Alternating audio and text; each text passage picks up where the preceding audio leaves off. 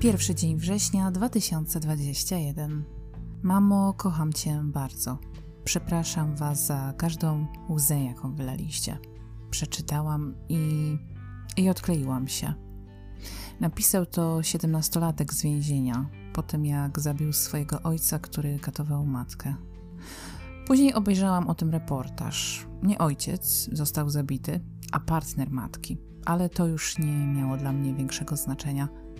Dziecko z lojalności do rodzica przeprasza za to, że. No właśnie, za to, że właściwie co, że matka dokonywała złych wyborów? Ech, najpierw skurczył mi się żołądek. Zwinęłam się w kłębek i zostawię dla siebie, bo jest to nadzbyt intymne, co się ze mną zadziało. I dlaczego?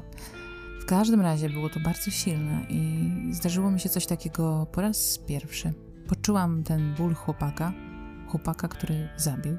Poczułam jego niewinność. Zobaczyłam go w sobie, mnie w nim i na tym skończymy.